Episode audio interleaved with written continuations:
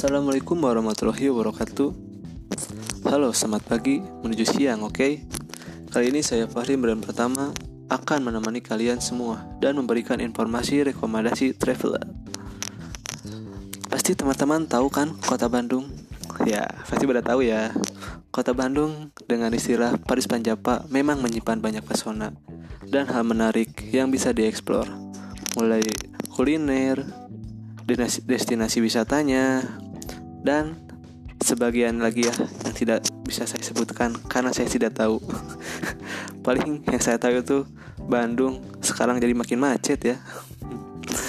Oke, kali ini saya akan merekomendasikan teman-teman yaitu untuk berwisata ke museum. Mungkin menurut teman-teman eh, berkunjung ke museum itu suatu hal yang sangat membosankan, tapi tidak ada salahnya dong. Karena berwisata sambil menambah ilmu pengetahuan itu seru loh dan ada ketertarikannya. Ya, jika di antara teman-teman ada yang tertarik dengan wisata yang bernama Heritage Locomotive. Apakah itu loh Heritage Locomotive? Nah, di sini Fahri akan menjelaskannya. Oke, ya stay tune dan dengarkanlah podcast ini. Sekarang teman-teman tidak perlu jauh-jauh ke Ambarawa untuk melihat beberapa peninggalan sejarah perkereta apian di Indonesia.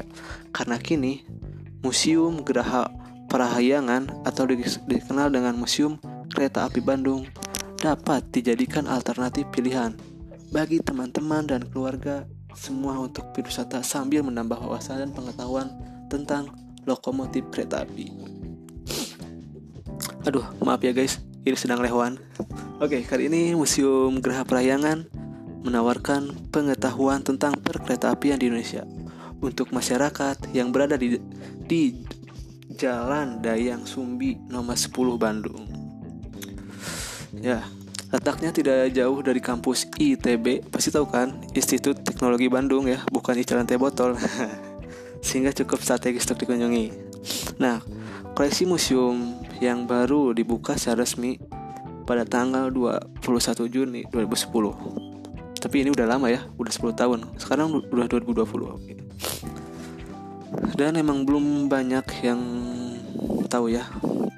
Namun terdapat beberapa pajangan yang langsung didatangkan dari Ambarawa Jawa Tengah seperti mesin pembuat karcis, mesin cetak, dan alat, alat komunikasi telegraf, telepon kayu serta hidung Oddhever ya walaupun koleksi museum ini tidak sebanyak di Museum Kereta Api Ambarawa tapi jangan salah sampai saat ini Geraha Perayangan Museum Gallery sudah banyak menarik pengunjung untuk melihat alat-alat bersejarah ini.